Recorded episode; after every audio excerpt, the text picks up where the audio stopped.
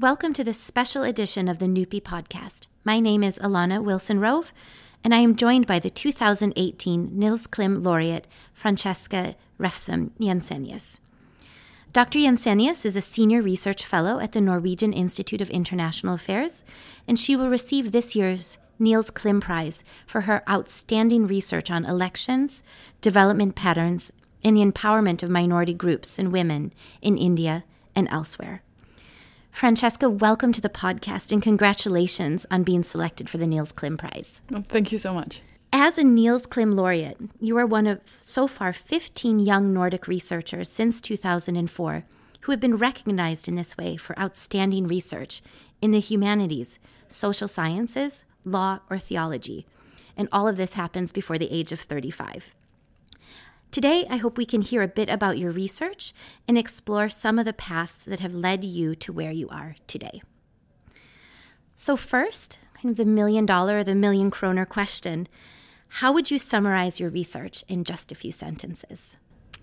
Um, so, I'm a political scientist. I work in comparative politics and comparative political economy. Um, I would say my main research interest is in how um, electoral dynamics and institutional uh, designs for, for state institutions affect different types of uh, inequality in society. So, for example, what happens uh, to the distribution of resources when you change who's in power?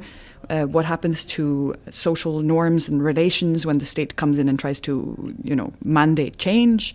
Uh, and how can we best design electoral systems and other institutions so that uh, we end up with in, in both inclusive and well-functioning um, politics? Mm-hmm. And a lot of your work has been about these sort of mandated changes in society, including quota policies.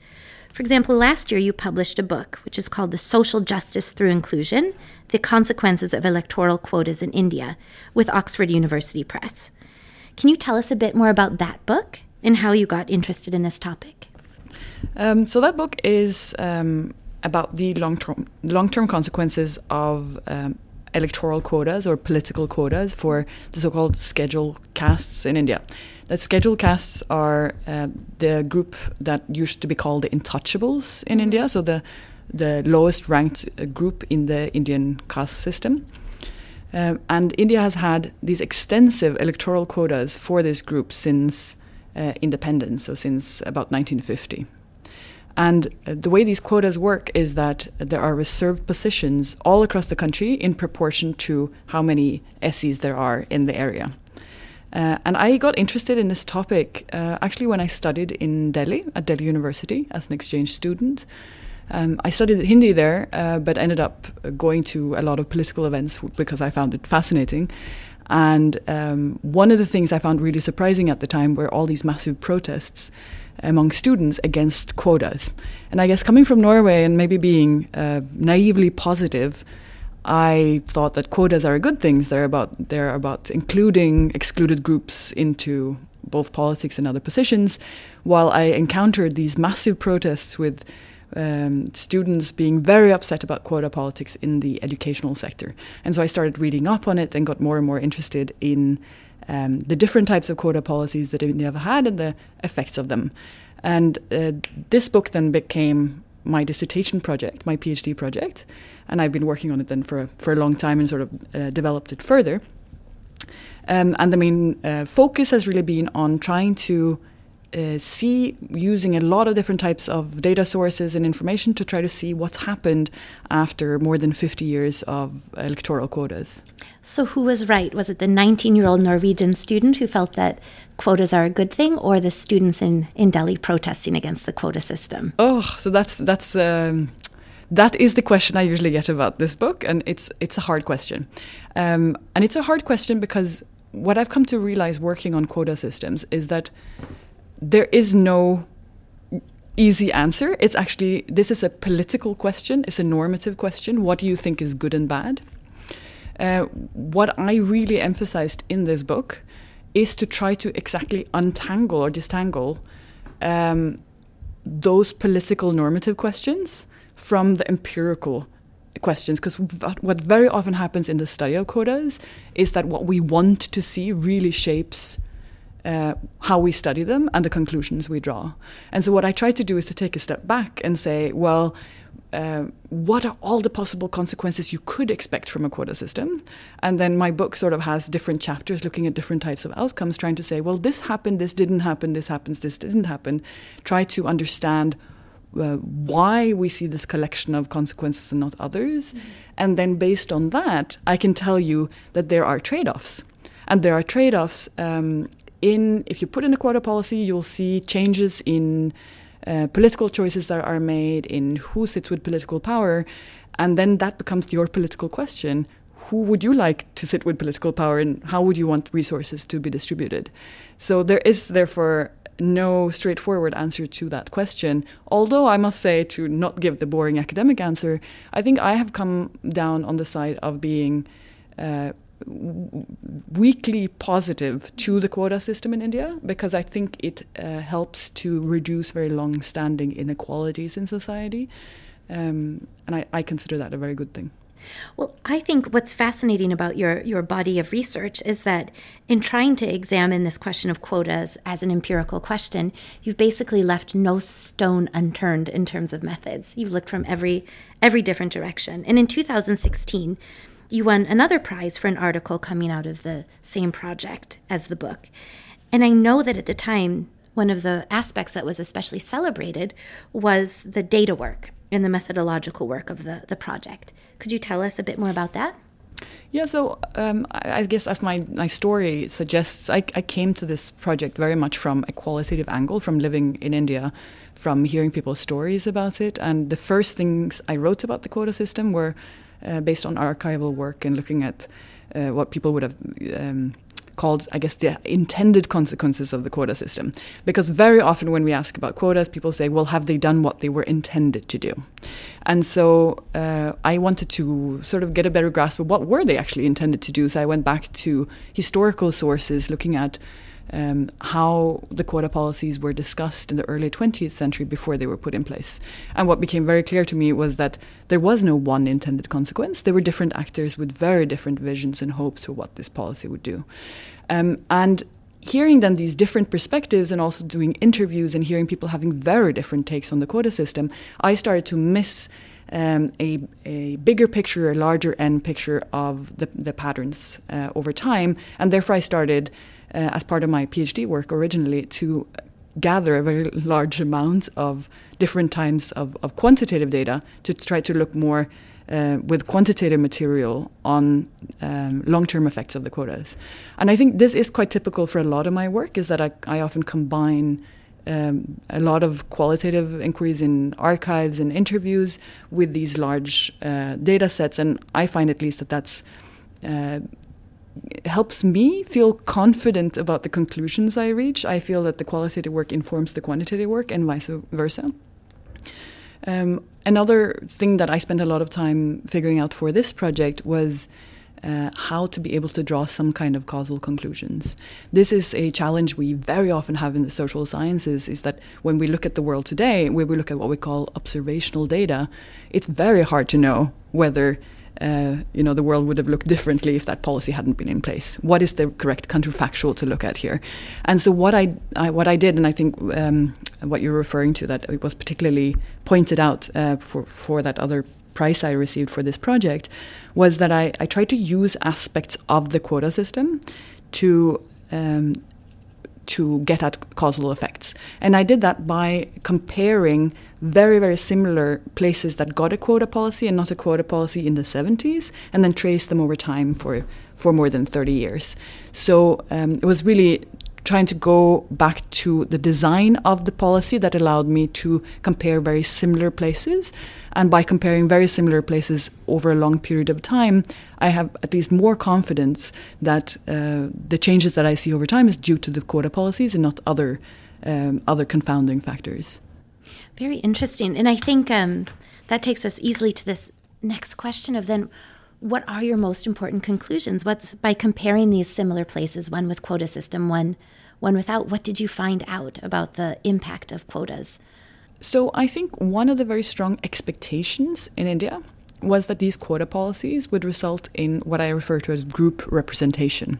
That is, uh, the minority politicians coming into power, particularly sort of uh, working for their group interest, and a, an expectation that you therefore should see more development for that group in areas with quotas. And we don't see that at all. And it's actually very logical, you don't see that at all. The way these quota policies are designed, uh, minority politicians are elected in areas where there are primarily non minority voters. And so they have every electoral incentive to work sort of in a similar way as other politicians. They're also completely integrated into mainstream political parties.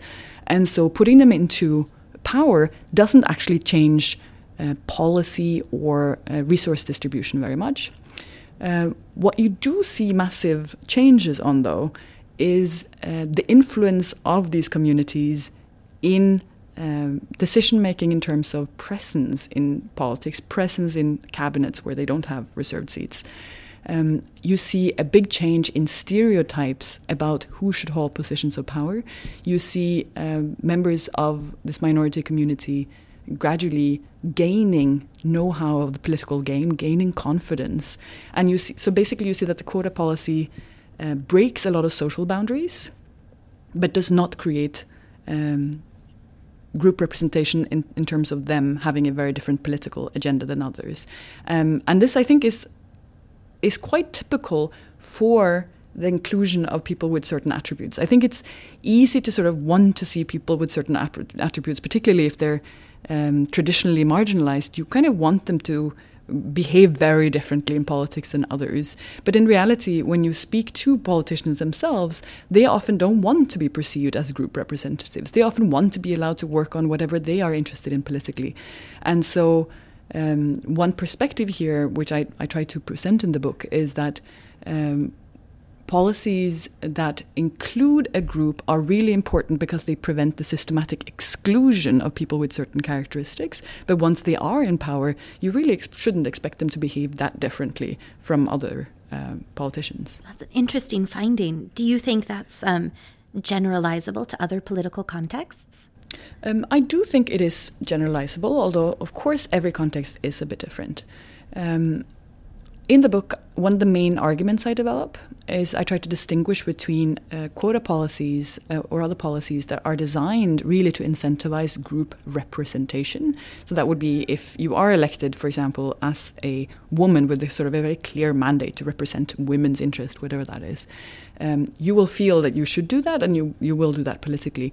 And so there are examples of, of policies uh, where that kind of incentive structure is very clear. But then the majority of quota policies, like quotas into political parties, the quotas I study in India, etc., uh, they are mostly about politicians entering because of some attributes, but once they are in power, they face the same type of uh, electoral incentive structure as other politicians.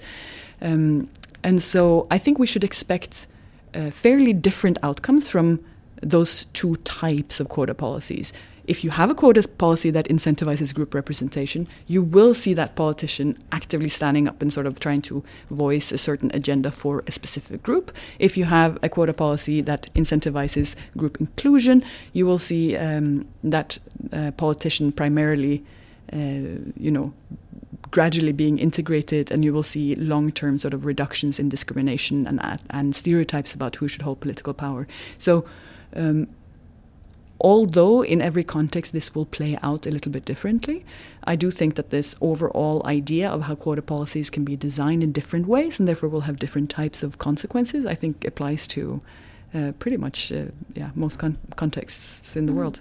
It's a very important distinction in what a field, as you say, has been marked by a lot of a mixture of political normative and empirical claims.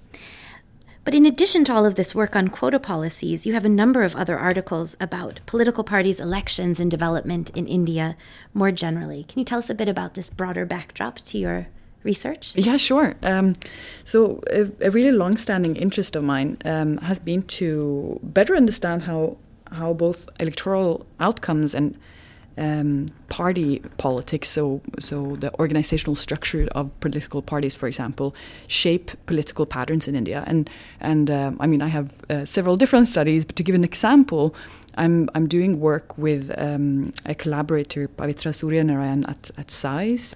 where we're working on looking at rerunning patterns of politicians in India. Um, and we think this is important because stable linkages between parties and candidates is something that we tend to take for granted in theorizing about politics. But if you look at uh, both India and actually many countries in the world, candidates often tend to rerun for other parties. And so there's a lot of swapping around between the linkages between parties and candidates. And that creates a very confusing electoral environment. And so in one paper, for example, we're thinking about this issue of economic voting. In the Western world, we often take it for granted that if the economy is doing well, people will tend to vote more for the incumbent. And so it's sort of seen as a very logical thing that you see economic voting. In India, we haven't seen much evidence of economic voting. And then I think it's easy to jump to the conclusion that Indian voters are not rational or um, they, they vote primarily on ethnicity or other stuff. But what we show is that in circumstances where the same candidate and party run together, you do see clear evidence of economic voting. And so we're arguing that um, stable linkages then between parties and candidates is one of those underlying assumptions that is necessary for, for voters to be able to reward or punish um, parties. And I think this is a great example of how um, studying a country like India can help us become much more aware of underlying assumptions in models of party politics and electoral dynamics also in the Western world. It's a fascinating use of the Indian studies to push back against assumptions about political science theories that are often described as universal, but maybe much more based in, in a Western or European experience. Now, in your current research project, you're also doing a lot of comparison and asking big questions. And the name of this project is Legal Regimes in Women's Economic Agency. Can you tell us a bit about the main goals there? Yeah, yeah. So this is um, yeah another uh, research project I have. One, you know, uh, maybe the biggest ongoing research project I have. Uh, it's a collaboration with. Uh, um, Mala Htun, professor of political science at the University of New Mexico. And what we're doing here is really to uh, try to use our experiences from different contexts. So, me, uh, a lot from India, she's a Latin America expert. Um, to think about uh, comparing how different states use rules, regulations, laws to try to change uh, gender norms and gender stereotypes in different contexts. And so that project is really about trying to lift um, a lot of the, you know, micro level knowledge we have of different contexts and, and draw sort of bigger comparative lines about state approaches to gender inequality. Um, and we have, again, a number of papers in this project, but I think um, it might be interesting to mention uh, one we're working on in Mexico. So, in Mexico, for example, they had this massive legal change in 2007 uh, that tried to go after lots of types of violence against women. And violence against women is important for uh, both women's um, economic agency and political participation because it really affects um, uh, the work environment that women are in and whether women even uh, feel comfortable going into the public arena. Um, and so we are interested then in the consequences of this law. And again, I, I, guess it's difficult for my work. I'm interested in thinking about what should we really expect to see and what do we see as a consequence of the law. And in, in this example, we uh, don't see very big changes in the short run on the number of women who report a violence. But when we go and probe about attitudes towards violence, for example, knowledge of what is violence, then we see massive shifts. And we think this is really important because it's, it's easy if you're too focused on just the numbers of women who experience violence to um, think that, oh, this law did nothing, it's a weak institution.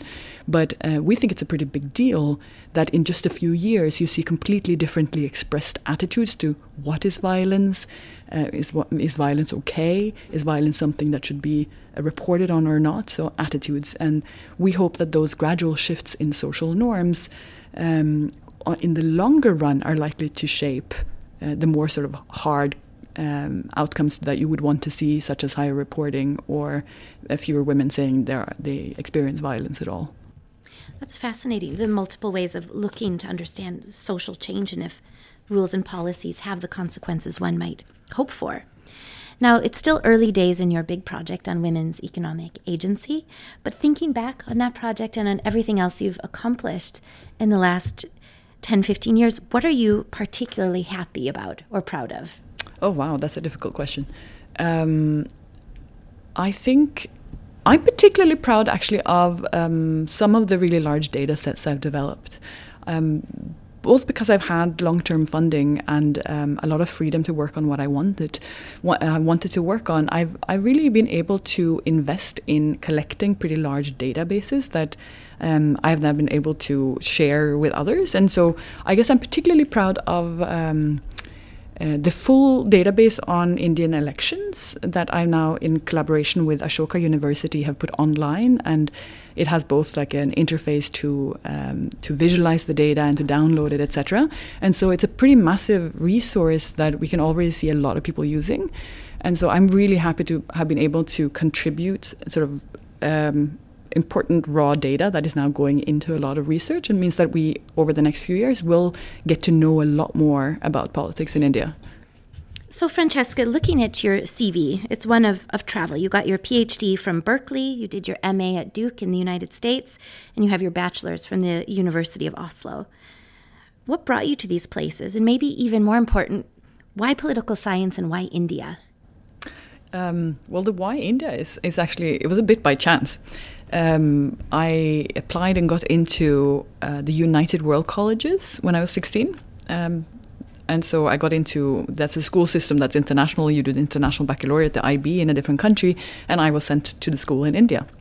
And so I lived there for two years, from I was 16 to 18, um, and had a great time with students from all over, and ended up traveling a lot in India. And so I think that experience both got me really interested in the social sciences because there's so many interesting things to study in the Indian context. And in particular, it got me really interested in India. And when I came back to Norway, I ended up then starting to study um, Hindi, Urdu, and uh, political science at the university. And that sort of naturally merged into Indian politics, which is what I've been focusing on ever since. Now, you have a lot of interesting projects. You have your book recently out with Oxford University Press, a lot of strong academic journal articles. Is there a recipe for this success or advice you'd give on how to stay the course? Uh, well, first thing I would say is to really focus on um, stuff one is interested in. I see a lot of students thinking that they should be strategic in what they choose, but I find that I can only complete an, a, a, good academic project if I'm really passionate about the topic. Um, and so, so, I think that would be a, a, key advice is to really follow one's passion as much as possible.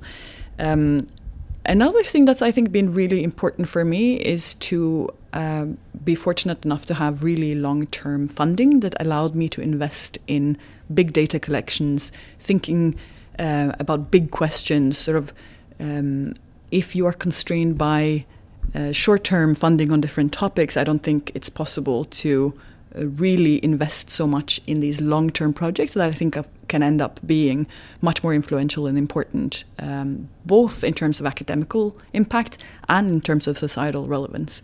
Um, and then I have been, I think I've been extremely lucky in having a very flexible and supportive employer in being at NUPI.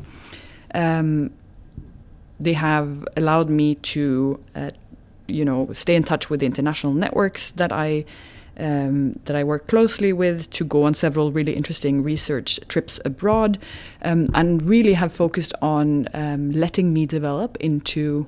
Uh, in the direction that I wanted to develop in. And so I can only say that I'm extremely grateful to NUPI for having given me that um, support and flexible structure that has allowed me to really thrive in the work that I do. Now, if we have to think about what are the challenges faced by you or by other young researchers, what are some of the challenges left to be worked on here? Oh, wow. Yeah, there are some challenges. I mean, I think there are. There's a lot of focus now on young researchers doing great work. There's a lot of um, of, of of grant opportunities. There's a lot of focus on it, but there is still a reality that many young researchers have temporary contracts uh, and end up then having to think very short term in what they do. Uh, similarly, people have often short term funding, which means they cannot invest in these long term ideas. And I think. Um, really, if one wants great research, great research takes time and and it's important then to invest in letting people work on topics for a long time, plus having continuity in what they work on instead of jumping from topic to topic. Um, I also think that uh, although internationalization and mobility is great and gives people wonderful experiences and allow allows them to do better work, uh, it can be really hard for people's personal lives. And I've seen lots of examples of um, people going abroad on, on long trips and therefore that um, having their family suffer for it because their uh, their family cannot come with them, for example. And uh, this challenge on what you do with uh, combining a personal life with your international research career, I think is becoming more of a challenge now that we have uh, more women uh, entering in high level academic positions because it's not no longer evident that it's the wife that's going to leave everything and follow um, a husband to the field or to another job or internationally.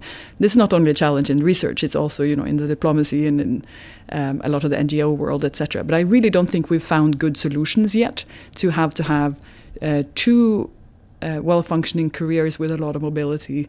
Um, and making people's personal lives work. And that's something where I think a lot of more thinking is needed to find a good balance.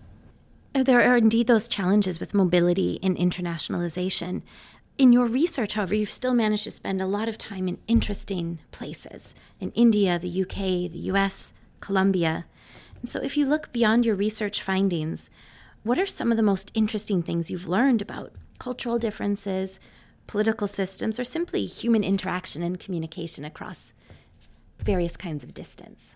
Uh, well, I think the first one that comes to mind is probably that there are many ways of doing things that are. Um, I think it's easy to think that the way we do it is the best, but there are, there, I think there are many ways of, of being happy um, in the world. Um, another thing is probably that although the world is becoming really globalized, um, there are still some really important cultural differences, and it's particularly become clear to me that we often uh, speak past each other. In, for example, having different understandings of what a word means. And so the example I gave previously, for example, in, in how we find uh, changes in, in attitudes towards violence in Mexico in our work on Mexico, um, what, one of the things we're seeing is that people start identifying different types of actions as violence. And I think that's also something we're seeing in the Me Too campaign is that the whole attention around sexual harassment and sexual assault is expanding people's understanding of what sexual harassment and assault is. And that's important because you can say in any context, if you ask someone, are you in favor of violence? Of course, you know, everyone would say they're not in they're not in favor of violence. Um, but if you mean different things with the word violence, you can still completely misunderstand each other uh, in many contexts. And so that's really something uh, that I've come to think of as really important in inter- intercultural dialogue. And then I think a third thing I would like to mention is uh, I think I've really realized, um, and I've, I've come to think it's important not to take ourselves so seriously because the world is full of people who are the most important in their context. But as soon as you sort of step two kilometers in some direction, no one else knows who that is. and so it's really important to just realize that um, there are lots of great people in the world, and um, yeah, not to take ourselves too seriously. So, for our last question, where do you go from here? What's next? Um, well, uh, first of all, I, I mean, I'm in the middle of working on uh, two book manuscript and lots of articles, so I'm going to continue with uh, similar research to what we've been talking about, and I'm very excited about several of those projects. Um, as of next month, I'm also starting as an associate professor at the political science department at the University of Oslo, and so I will start uh, teaching from fall. I'm very excited about that. I'll get to teach um, both qualitative and quantitative research methods um, and also to get to teach uh, courses related to my research on state approaches to inequality. And so I'm very excited about getting to share more of my work with students and to um, be part of developing their projects, as that is something I'm, I find extremely inspiring. Well, Dr. Jensenius, thank you very much for speaking with us today, and congratulations again on being the 2018 Nils Klim Laureate. Thank you.